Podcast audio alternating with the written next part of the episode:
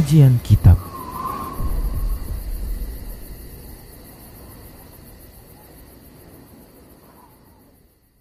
Bismillah, Assalamualaikum warahmatullahi wabarakatuh. Innal hamdalillah nahmaduhu wa nasta'inuhu wa nastaghfiruh wa na'udzu billahi min shururi anfusina wa min sayyiati a'malina. Man yahdihillah fala mudilla lah wa man yudlilhu fala hadiya وأشهد أن لا إله إلا الله وحده لا شريك له وأشهد أن محمدا عبده ورسوله صلى الله عليه وسلم. قال الله تبارك وتعالى يا أيها الذين آمنوا اتقوا الله حق تقاته ولا تموتن إلا وأنتم مسلمون. يا أيها الناس اتقوا ربكم الذي خلقكم من نفس واحدة وخلق منها زوجها وبث منهما رجالا كثيرا ونساء واتقوا الله الذي تساءلون به والأرحام إن الله كان عليكم رقيبا يا أيها الذين آمنوا اتقوا الله وقولوا قولا سديدا يصلح لكم أعمالكم ويغفر لكم ذنوبكم ومن يطع الله ورسوله فقد فاز فوزا عظيما أما بعد فإن أصدق الحديث كتاب الله وخير الهدى هدى رسول الله صلى الله عليه وسلم وشر الأمور محدثاتها وكل محدثة بدعة وكل بدعة ضلالة وكل ضلالة في النار Para muslim, para hamba Allah rahimani wa rahimakumullah Kembali kita bersyukur kepada Allah Subhanahu wa taala yang senantiasa memberikan kebaikan dan kenikmatannya kepada kita. Selawat dan salam tak lupa kita ucapkan untuk nabinya Muhammad sallallahu alaihi wasallam. Semoga Allah Subhanahu wa taala mewafatkan kita di atas ketaatan kepada rasulnya. Para pemirsa Rosyad TV dan para pendengar radio Medan Mengaji di mana saja Anda berada. Kita akan lanjutkan pembahasan akidah tauhid dalam bahasan al-wala wal bara. Al-wala kembali kita akan memberikan dan mengingatkan definisi tentang al-wala. Al-wala mana al-wala yang diterjemahkan dalam bahasa Indonesia adalah loyalitas dan kecintaan. Maksudnya adalah kecintaan kepada sesama kaum muslimin, orang-orang yang memiliki keimanan berkasih sayang terhadap mereka, saling tolong menolong sesama mereka dan bersikap tulus dengan memberikan nasihat kepada mereka disebabkan karena keimanan dan ketaatan yang ada pada mereka kepada Allah Subhanahu wa taala. Ini makna dari al-wala. Kemudian mana al-bara? Mana al-bara adalah yang diterjemahkan dalam bahasa Indonesia adalah berlepas diri membenci. Maksudnya adalah membenci musuh-musuh Allah Subhanahu wa taala dari kalangan orang-orang kafir, orang-orang munafik disebabkan karena adanya kekufuran serta kesyirikan yang ada pada diri mereka. Berlepas diri dari kebiasaan kebiasaan khusus mereka ritual keagamaan mereka serta keyakinan-keyakinan mereka sekaligus menjauhi mereka. Nah, para muslim rahimani wa rahimakumullah itu makna dari al-bara.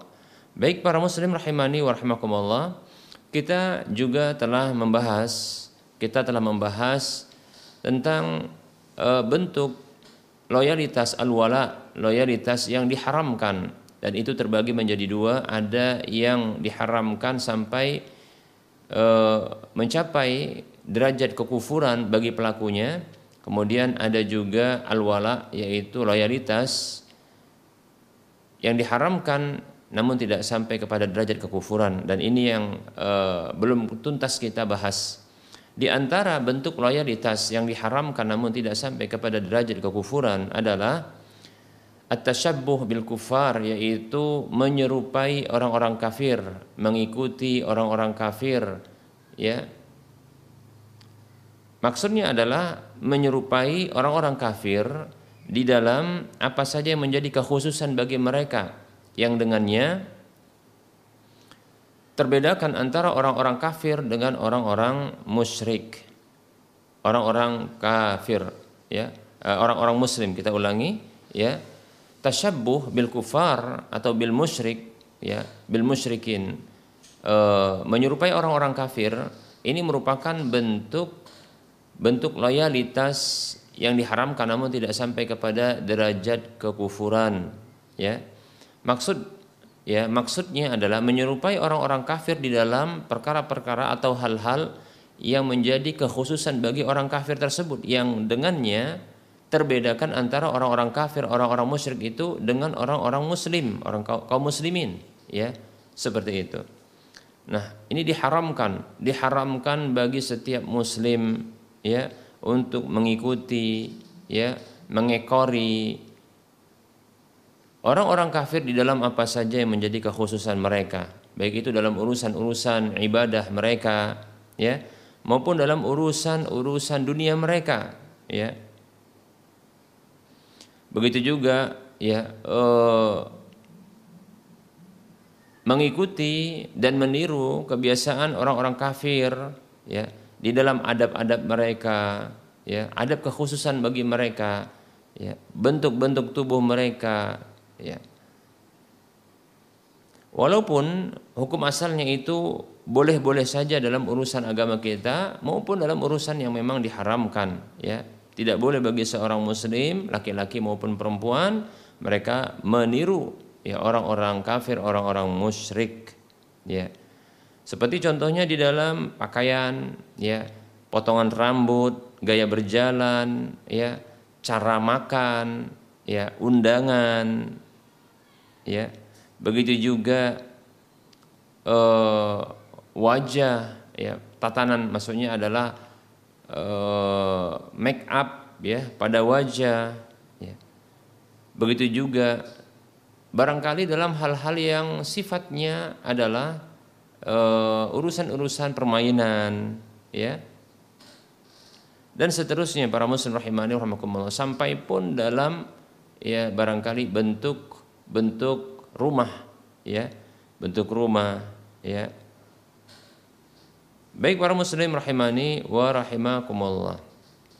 Nah, apabila ini menjadi sebuah kekhususan bagi orang kafir, ya, menjadi kekhususan bagi orang-orang musyrik, baik itu dalam urusan dunia maupun dalam urusan agama mereka, ya, maka diharamkan, maka diharamkan bagi kita kaum muslimin untuk menerima, meniru dan mengikuti kebiasaan tersebut, ya.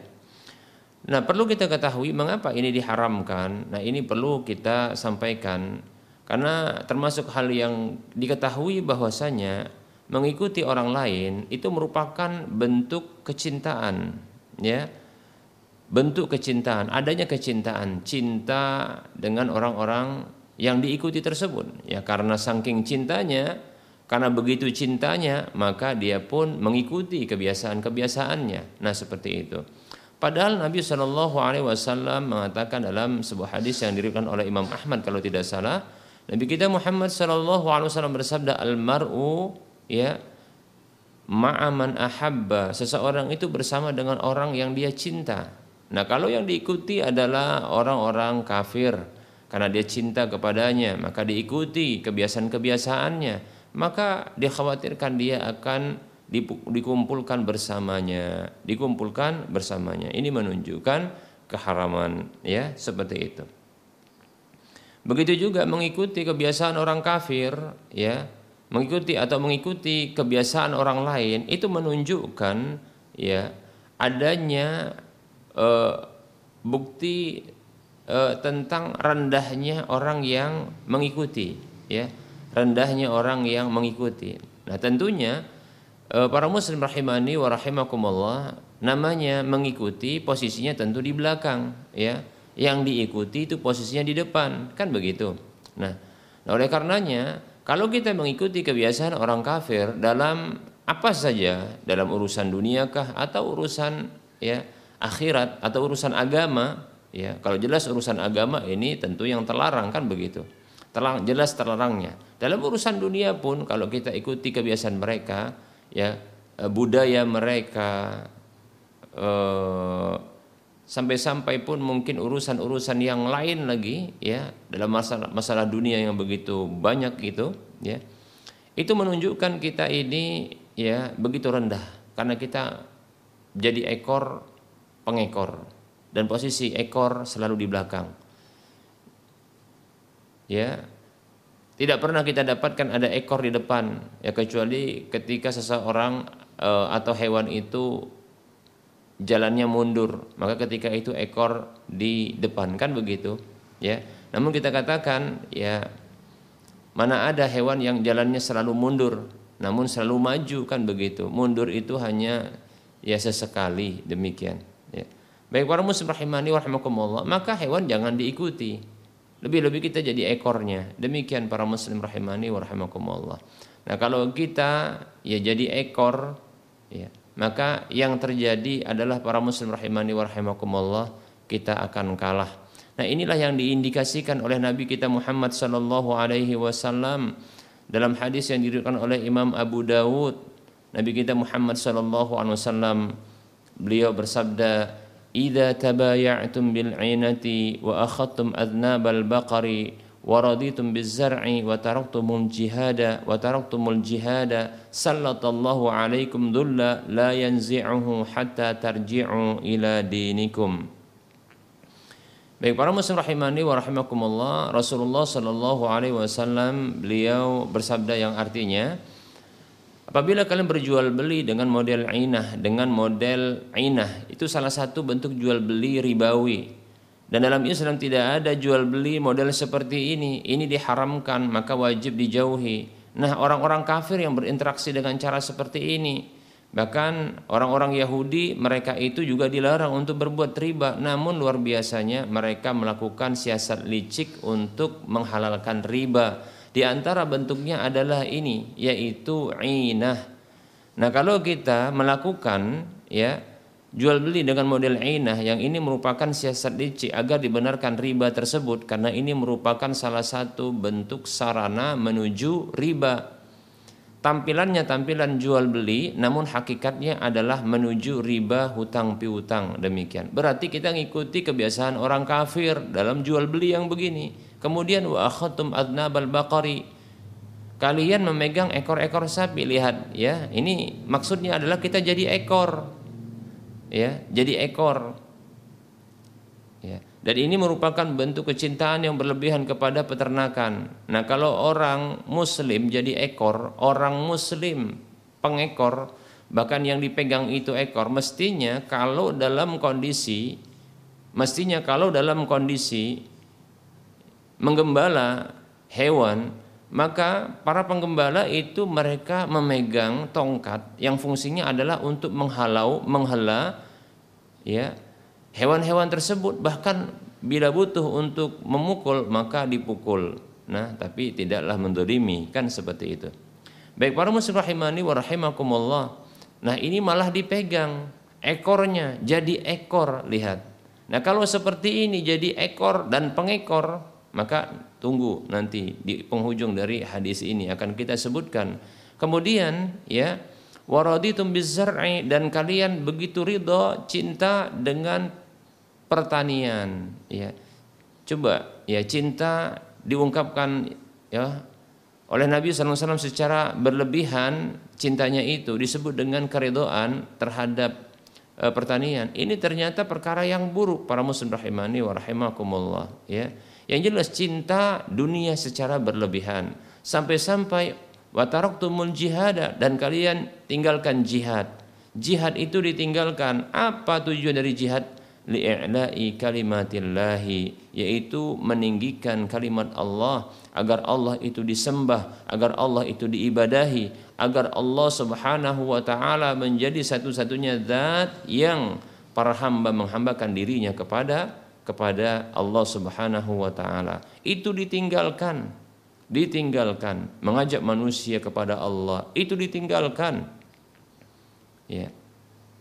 Maka yang terjadi adalah sallallahu alaikum dulla. Ya. Bila Islam itu ditinggalkan dari berbagai lininya, maka yang terjadi adalah sallallahu alaikum dulla Allah timpakan kepada kalian, Allah kuasakan kepada kalian kehinaan, keterpurukan, keterbelakangan, kemunduran. la yanzi'uhu dia yaitu Allah tak akan mencabutnya hatta tarji'u ila dinikum sampai kembali kalian kembali kepada agama kalian. Hadis ini riwayat Abu Daud, hadis yang sahih disahihkan oleh Syekh Al-Albani rahimahullahu taala. Perhatikan para hamba Allah rahimani rahimakumullah ketika Rasulullah menyebutkan ya kehinaan itu akan dicabut dengan kembalinya kepada Islam menunjukkan bahwasannya ketika Islam ditinggalkan ya tidak kembali kepada Islam alias itu ditinggalkan Islam maka ini menunjukkan bahwa itulah ambang kehancuran sedang berada atau menuju ke ambang kehancuran.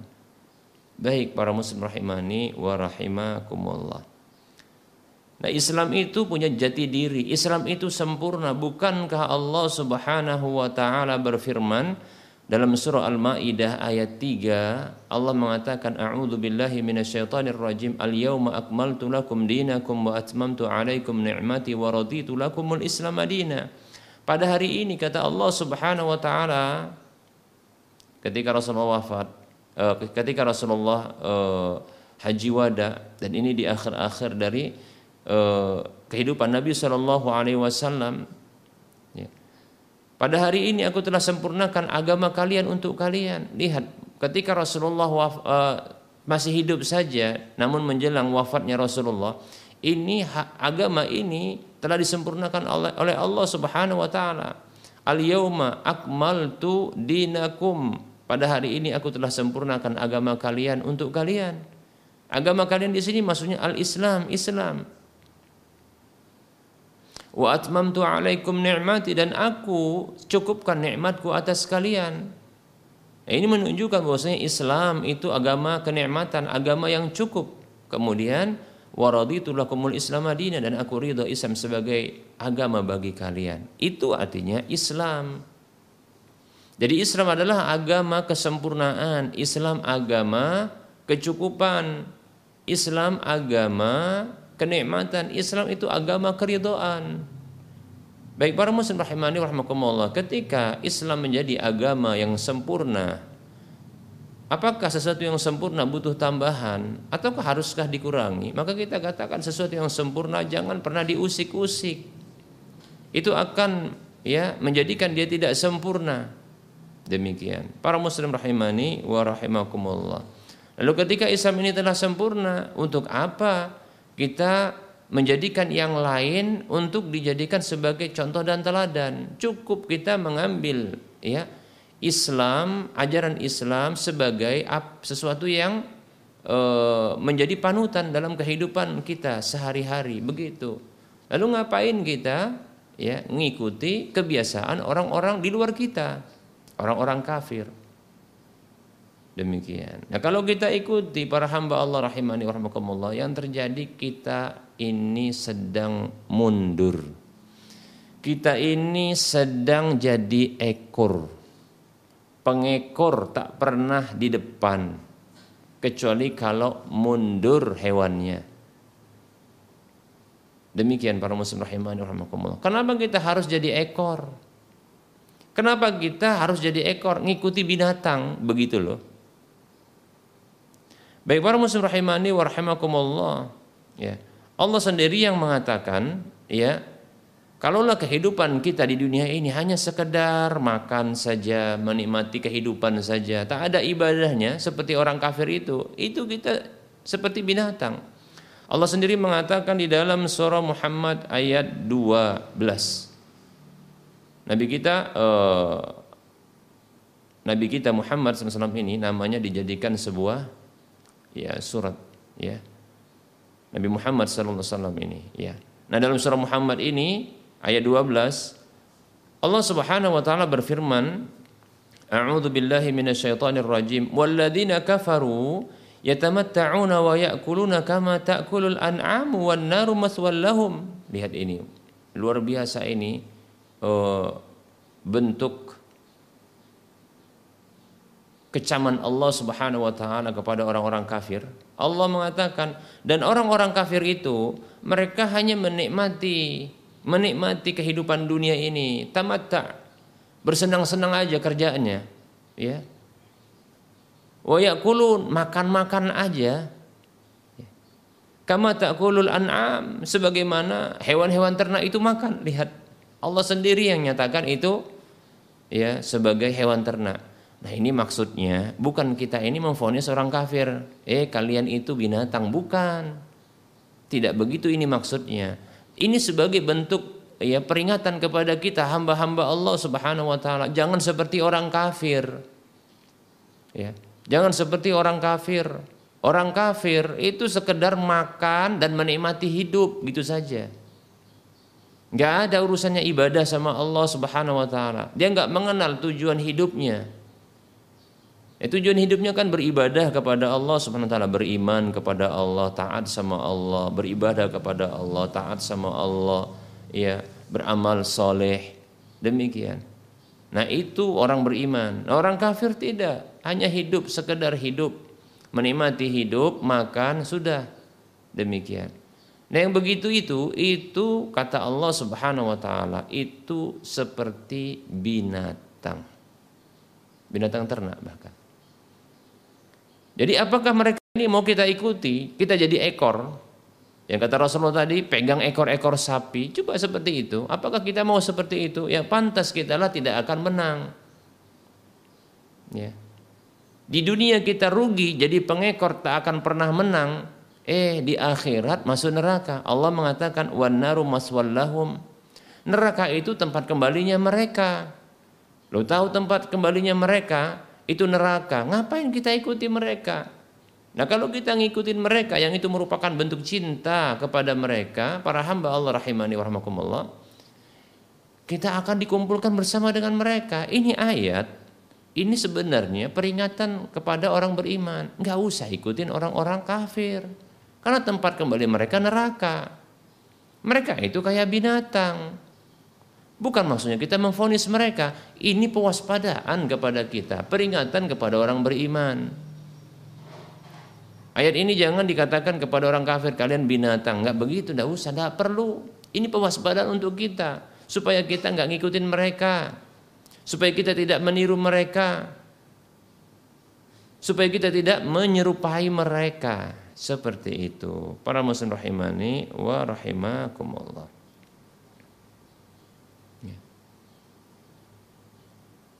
untuk apa kita ikuti mereka lawang agama kita saja agama kemenangan yang pasti akan membawa kemenangan Sementara mereka dan kebiasaan mereka, agama mereka itu agama kekufuran yang akan membawa kemunduran, keterpurukan, keterbelakangan. Kalau ada yang mengatakan, mungkin saat ini Ustadz, bukankah mereka itu saat ini jaya menjadi negeri adijaya? Saya tanya dulu, bukankah di zaman Nabi Muhammad SAW dahulu ada juga negeri-negeri kafir yang adidaya? Seperti ya Persia dan Romawi. Iya. Tapi apakah Rasulullah tertarik dengan mereka? Tidak. Tapi yang terjadi bahkan Allah menangkan orang-orang beriman di atas mereka. Loh begitu. Nah perkaranya sekarang kita mau menang enggak? Di atas mereka. Loh gimana caranya? Caranya Islam ini. Kita kembali kepada Islam. Seluruhnya keseluruhannya, totalitas kita. Kita semua dan totalitas kita masuk ke dalam Islam. Jangan setengah-setengah, sebagian-sebagian. Jangan parsial. Kalau parsial nanti sial. Semua totalitas ajaran Islam kita kita pelajari ya, kemudian kita amalkan begitu. Jangan khawatir Allah yang menjamin bahkan Allah yang menjadi saksi. Perhatikan para hamba Allah rahimani rahimakumullah. Allah berfirman dalam surah Al-Fathu ayat 28. A'udzu billahi minasyaitonir rajim. Huwallazi arsala rasulahu bil huda wa dinil haqqi liyudhhirahu dini billahi syahida. Allah berfirman yang artinya dialah Allah zat yang telah mengutus rasulnya Siapa maksudnya? Nabi kita Muhammad sallallahu alaihi wasallam. Ada bekalnya, ada petunjuknya, ada bil huda dengan membawa petunjuk al huda wadinil haqqi dan membawa agama yang benar. Jadi agama yang benar ini dibawa oleh manusia yang perkataannya benar dari zat yang maha benar. Maka pasti ini benar. Ini agama yang benar. Islam itu. Untuk menuju sebuah kepastian yang benar. Apa itu? Liudhirahu ala dini kullihi. Agar dia yaitu Allah zat yang maha benar tersebut memenangkan agama tersebut di atas seluruh agama. Di dunia ini banyak agama. Banyak keyakinan, bahkan ribuan barangkali yang kita nggak bisa menghitungnya. Ya. Wa syahida dan cukuplah Allah Subhanahu wa taala sebagai sebagai saksi. Coba bayangkan Allah menutup ayat ini dengan mengatakan dan cukuplah Allah sebagai saksi. Cobalah. Islam itu adalah agama Allah. Kemudian Islam itu dibawa oleh utusan Allah. Kemudian Islam itu dijanjikan oleh Allah ya itu akan dimenangkan di atas seluruh agama-agama yang kufur kepada Allah. Kemudian Allah Subhanahu wa taala yang menjadi saksi atas kemenangan agama Allah. Apakah kita masih ragu? Usahanya Islam ini akan menang? Dan bukankah sudah terjadi di zaman Nabi sallallahu alaihi wasallam?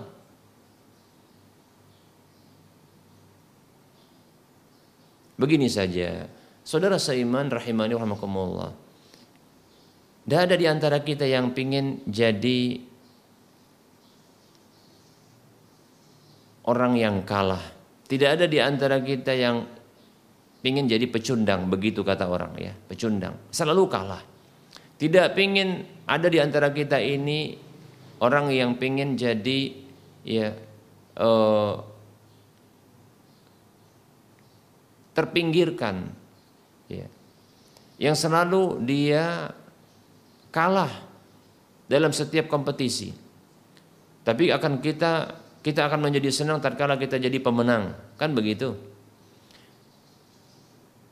Siapa pun anda katakanlah bukan orang Islam. Siapa pun anda mungkin ketika itu mendengarkan kajian ini. Ya. Anda ingin menang. Anda ingin menang. Anda ingin terdepan maka ada solusinya. Solusinya ini Islam. Coba Islam itu dipelajari. Islam itu diamalkan. Islam itu diaplikasikan dalam kehidupan. Pasti insya Allah Ta'ala akan mendapatkan kemenangan. Pasti. Itu perkataan ya zat yang menjadi penguasa jagat raya. Zat yang menciptakan dan mengatur alam semesta. Demikian. Bahkan utusannya juga mengatakan dalam hadis yang diriwayatkan oleh Imam Bukhari, Nabi kita Muhammad sallallahu alaihi wasallam bersabda, "Al-Islamu ya'lu wa la yu'la alaihi." Islam itu tinggi tak tertandingi. Masya Allah ya. Masih ragu kita. Nah kalau kita sudah yakin, terus ngapain kita ngikutin kebiasaan orang-orang kafir? Ngapain? Untuk apa kita ngikutin ya kebiasaan Orang-orang kafir ngekorin kebiasaan mereka, menyerupain kebiasaan mereka, niruin kebiasaan mereka. Baik itu kebiasaan dalam urusan agama mereka maupun dalam urusan dunia mereka. Ngapain? Yang tentunya maksudnya di sini adalah kebiasaan-kebiasaan mereka yang menjadi ya kekhususan kekhususan mereka yang dengannya terbedakan antara orang kafir dengan orang muslim begitu sudahlah haram. Walaupun nggak sampai derajat kekufuran. Ini merupakan bentuk kemunduran. Ini akan menghantarkan kepada keterbelakangan. Ini hanya akan menjebloskan ke dalam keterpurukan. Para hamba Allah rahimani wa rahimakumullah.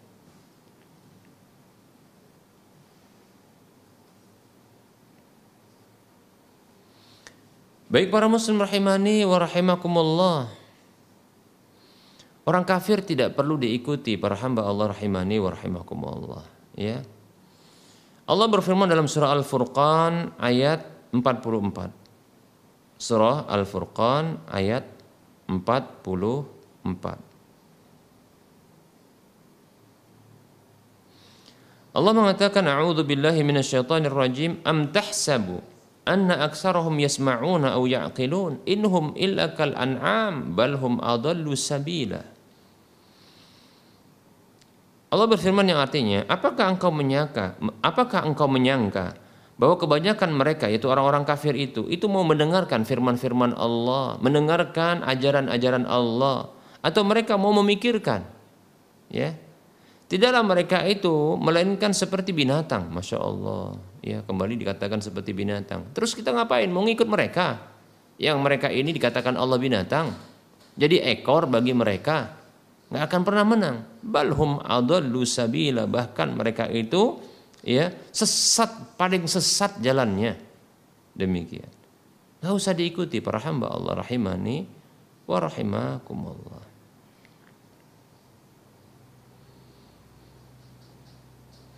Ya tidak usah diikuti mereka.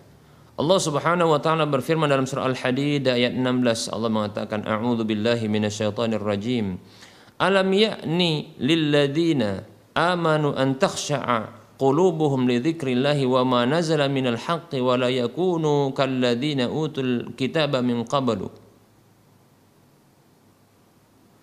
Allah berfirman yang artinya belum tiba belum tibakah waktunya bagi orang-orang yang beriman untuk dia khusyuk, untuk dia tenang, mengingat Allah dan mematuhi ya kebenaran yang Allah Subhanahu wa taala ya turunkan tersebut kepada mereka yang Allah wahyukan kepada mereka. Dan janganlah mereka berlaku mengikuti seperti orang-orang yang telah menerima kitab sebelumnya, yaitu mereka ahlul kitab. Janganlah mereka seperti ahlul kitab yang telah menerima kitab sebelumnya. Demikian, ya. Bahkan ayat berikutnya mengatakan fatola uh, di kelanjutan dari ayat tersebut fatola alaihim ya al-amadu faqasat qulubuhum wa kasirum minhum fasiqun ya Kemudian mereka melalui masa yang panjang sehingga hati mereka menjadi keras dan banyak di antara mereka yang menjadi fasik keluar dari ketaatan kepada Allah Subhanahu wa taala. Baik para muslim rahimani wa rahimakumullah seperti itu ya. Nah ini mengingatkan saudara seiman untuk menjauhi ya kebiasaan-kebiasaan orang-orang kafir, mengikuti, mengekori, ya, menirui, kemudian menyerupai kebiasaan-kebiasaan orang-orang kafir, baik itu dalam urusan agama mereka maupun dalam urusan dunia mereka yang itu menjadi kekhususan bagi mereka yang membedakan ya antara orang-orang beriman dengan orang-orang kafir. Ya. Nah, seperti itu. Walaupun Nabi Shallallahu Alaihi Wasallam pernah mengatakan seperti ini, ya, la tattabi'unna sunana man kana qablakum shibran bi shibrin wa dira'an bi dira'in hatta law dakhalu fi juhri dabbin. La tat uh,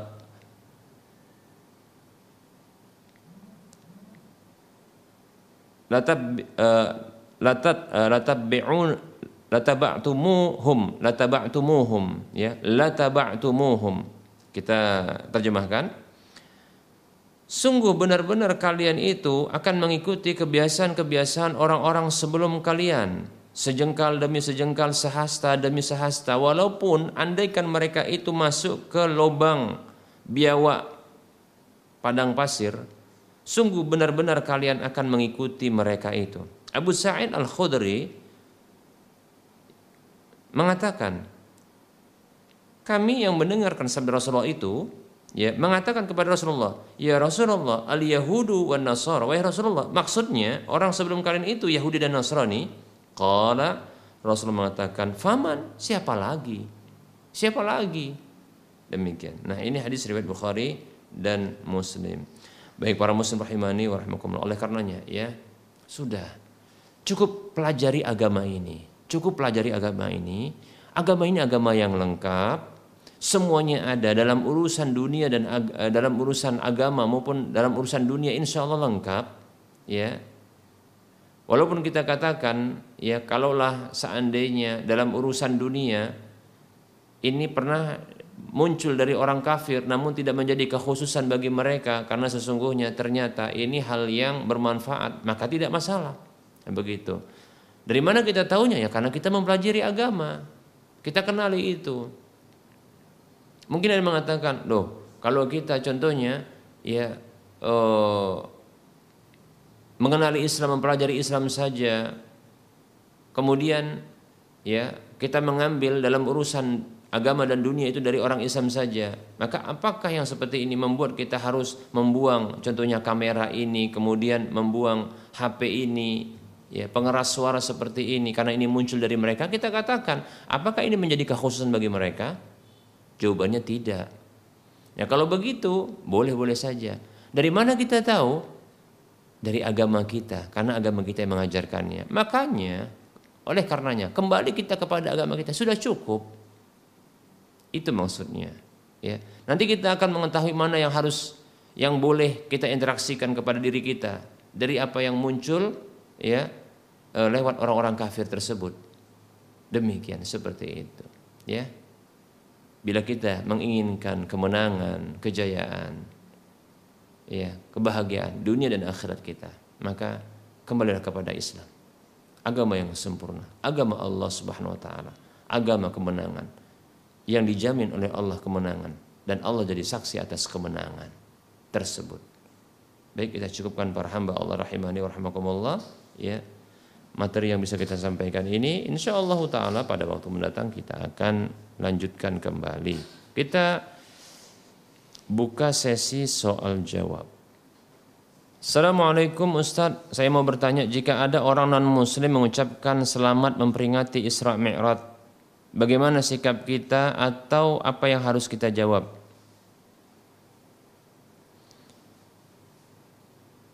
Waalaikumsalam warahmatullahi wabarakatuh. Saya nggak dapatkan dalilnya secara khusus tentang masalah ini.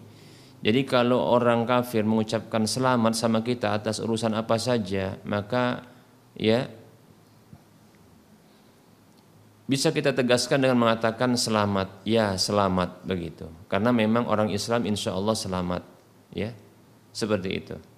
Ya, ya karena masalah ini saya nggak dapatkan dalilnya secara khusus.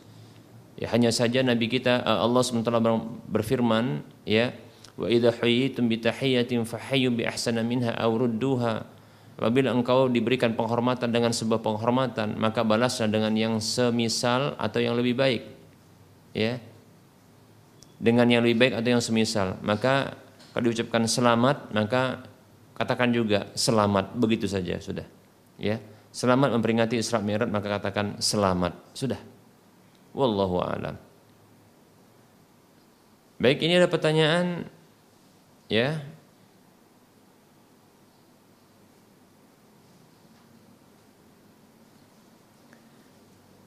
Bismillah, Assalamualaikum warahmatullahi wabarakatuh Maaf Ustadz, bolehkah kita memberi nama anak kita dengan nama yang artinya wanita yang suci Ustadz Mohon penjelasannya Ustadz Jazakallahu khaira Barakallahu fiqh Waalaikumsalam warahmatullahi wabarakatuh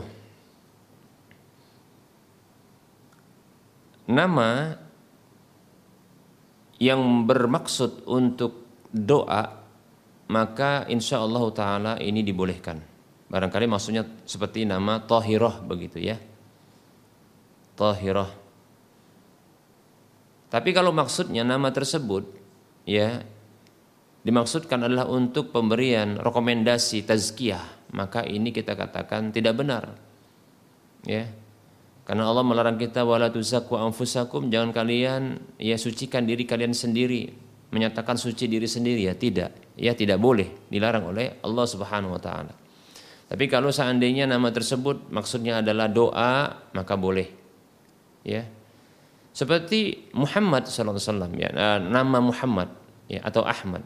Ahmad artinya orang yang terpuji. Ya. Atau Muhammad orang yang dipuji, selalu dipuji. Maka kita katakan ini maksudnya adalah doa. Ya, atau harapan ke depan ya anak tersebut akan senantiasa melakukan ya sifat-sifat terpuji atau memiliki sifat-sifat terpuji itu maksudnya. Namun kalau maksudnya adalah rekomendasi atau bentuk pensucian diri bahwasanya memang ya ini adalah suci, nah ini salah. Oleh karena saya condong sesungguhnya kalau nama seperti ini tohiroh contohnya ya ini tidak masalah ya Tidak masalah insyaallah taala. Ya. Tapi niatkan adalah untuk ya untuk doa dan harapan ke depan. Ya agar nantinya sang anak ini memiliki e, menjaga diri suci ya seperti itu ya. Demikian. Seperti juga makna qanitah. Qanitah itu wanita yang dia kunut yaitu ya maksudnya yang e, tenang, kemudian wanita yang taat beribadah kepada Allah. Nah, kalau ini maksudnya adalah tazkiyah, yaitu maksudnya memaksudkan dengan nama ini adalah pemberian tazkiyah atau rekomendasi atau pensucian menyatakan mensucikan diri, maka tak boleh. Tapi kalau maksudnya adalah doa, maka boleh. Seperti itu. Wallahu taala a'lam wa anti fajazakallah wa barakallahu fiik. Wa fiik barakallah.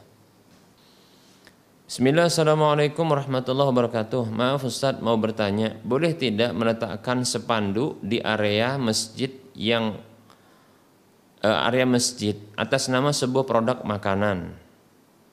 Spanduk tersebut ber, uh, bertemakan tentang bulan puasa Ramadan. Waalaikumsalam warahmatullahi wabarakatuh. ya tentunya pertama eh, yang butuh untuk dipastikan pertama sekali adalah izin dari pihak pengelola masjid, penyelenggara masjid. Dikasih izin nggak untuk pertama sekali ya eh, nempelkan sepanduk tersebut ya di area tersebut. Ya kalau nggak dikasih izin berarti tak boleh. Ya ini yang pertama tentunya ya. Kemudian yang kedua adalah di sini ada iklan ya, tentunya ada iklan yaitu iklan sponsor berupa makanan ringan ya. Nah, iklan ya di masjid adalah dia merupakan bentuk eh, penawaran barang dagangan ya. Iklan itu merupakan penawaran barang dagangan ya seperti itu. Ya. Nah, ini mukaddimah lil bay ini adalah uh, pendahuluan bagi jual beli. Baik ya. Permasalahannya ini dilakukan di areal masjid. Nah, ini tentunya kembali kepada pendapat yang mengatakan apakah areal masjid itu adalah masjid ataukah bukan. Nah, di sini ada perbedaan pendapat. Bagi yang mengatakan bahwasanya itu areal masjid adalah masjid, ya, maka tentunya Eh, penawaran barang dagangan di area masjid ini perkara yang tidak layak untuk dilakukan ya kenapa karena ini adalah ya perdagangan akhirat masjid adalah perdagangan akhirat bukan perdagangan dunia ya seperti itu namun bagi yang mengatakan bahwasanya areal masjid bukanlah masjid karena masjid itu adalah ya bangunan inti dari masjid sekitarnya tidak. Maka wallahu taala alam tentunya bagi pendapat seperti ini ya tidak masalah ya untuk menawarkan barang dagangannya berupa iklan atau sponsor uh, iklan sponsor demikian. Wallahu taala alam Baik ada pertanyaan. Assalamualaikum Ustaz. Apakah boleh merutan, merutinkan bacaan surat Al-Ikhlas 10 kali setiap hari? Syukron. Baik ya, uh, hadis tentang masalah ini adalah hadis yang berasal dari sahabat Mu'adz ibnu Anas radhiyallahu an, hadis yang diriwayatkan oleh Imam Ahmad. Rasulullah sallallahu alaihi wasallam bersabda, "Man qara'a qul huwallahu ahad ashra marratin banallahu lahu baitan fil jannah." Siapa saja membaca Qul huwallahu ahad 10 kali maka Allah bangunkan untuknya sebuah rumah di surga. Nah, di sini terjadi perbedaan pendapat di kalangan para ulama tentang hukum e, derajat dari hadis ini. Ya. Derajat hukum hadis ini. Sebagian ulama ada yang mendaifkan menyatakan dhaifnya hadis ini. Ya, hadis ini adalah hadis yang dhaif menurut sebagian para ulama. Siapa di antara ulama yang mendaifkan seperti contohnya Syekh bin Bas, Syekh bin Bas rahimahullahu taala. Apa sebabnya? Karena ada tiga perawi yang dhaif di antaranya adalah Ibnu Lahiyah begitu juga Zaban Ibnu uh, Faid begitu juga Rus, uh, Rusdain ya. Uh, Rusdain bin Sa'ad demikian ya. Nah pendapat yang lain adalah pendapat yang kedua mengatakan bahwa hadis ini sahih ya di antaranya adalah Syekh Al-Albani rahimahullah taala yang mensahihkan hadis ini di dalam Sahihul Jami' dengan nomor hadis 6472 demikian. Baik ya. Nah, oleh karenanya terjadi perbedaan pendapat. Jadi kita maklumi saja bagi yang berpegang dengan hadis ini atau mengamalkan hadis ini maka silakan ya boleh ya mengamalkannya ketika dia berpendapat ya condong kepada pendapat Syekh Al-Albani rahimahullah taala yang mensahihkan.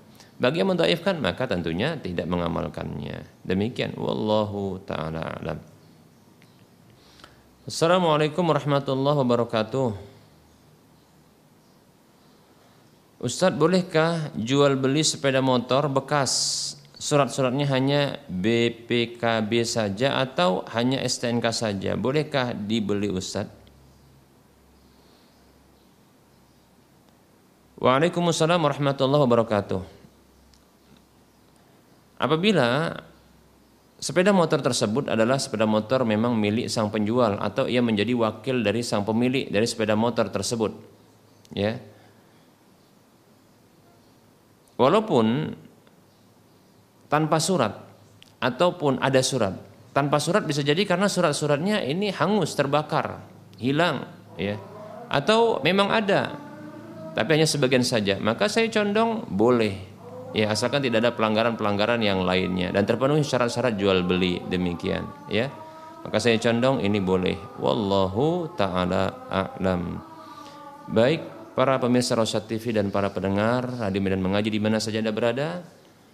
Telah masuk waktu sholat duhur untuk wilayah Medan dan sekitarnya dan Anda pastinya telah mendengarkan adzan ya. Uh, maka kita cukupkan kajian kita pada pertemuan kali ini Mohon maaf bila ada kekurangan dan kesalahan serta kekeliruan dalam penyampaian. Kepada Allah saya mohon ampun dan kepada para pemirsa sekalian saya mohon maaf. Dan seperti biasa sebelum berakhirnya kajian ini kembali saya memberikan motivasi kepada diri saya pribadi dan kepada saudara-saudara seiman untuk mari kita berdonasi, menginfakkan sebahagian harta yang Allah beri kepada kita dalam kehidupan kita sehari-hari. Semoga apa yang kita keluarkan ini itu akan bermanfaat selama hidup kita bahkan setelah mati. Yang akan terus mengalirkan pahala walaupun kita telah tiada di permukaan bumi ini. Mari kita berdonasi untuk membebaskan lahan yang nantinya akan dibangun di atas lahan tersebut sebuah masjid yang bernama Al-Muwahhidin, masjidnya orang-orang yang bertauhid di sekitar Medan ya, di sekitar wilayah Medan. Dan perlu diketahui kembali kita ingatkan bahwasanya nominal yang dibutuhkan untuk pembebasan lahan tersebut biaya yang dibutuhkan adalah kurang lebih 8,5 miliar. Sementara saat ini yang baru saja terkumpul kurang lebih 31,49 persen yaitu sekitar 2 miliar 704 juta sekian. Kekurangannya adalah 5 miliar 881 juta 100 sekian ribu rupiah. Silahkan salurkan infak dan sodako Anda melalui Bank Syariah Indonesia atau Bank Syariah Mandiri di nomor 71274855555. Saya ulangi, ke nomor rekening 71274855555 atas nama Yayasan Lajnah Dakwah Medan kode bank 451 dengan bank B Bank Syariah Indonesia itu Bank Syariah Mandiri demikian. Nah, semoga harta yang kita salurkan atau kita infakkan ini ini akan mengalirkan pahala seterusnya dan minimalnya adalah 700 kali lipatnya demikian. semoga termotivasi dan bermanfaat. Wassallallahu ala Muhammad wa ala alihi wa ashabihi ajma'in. Subhanakallahumma wa bihamdika asyhadu an la ilaha illa anta astaghfiruka wa atubu ilaika walhamdulillahi rabbil alamin. Wassalamualaikum warahmatullahi wabarakatuh.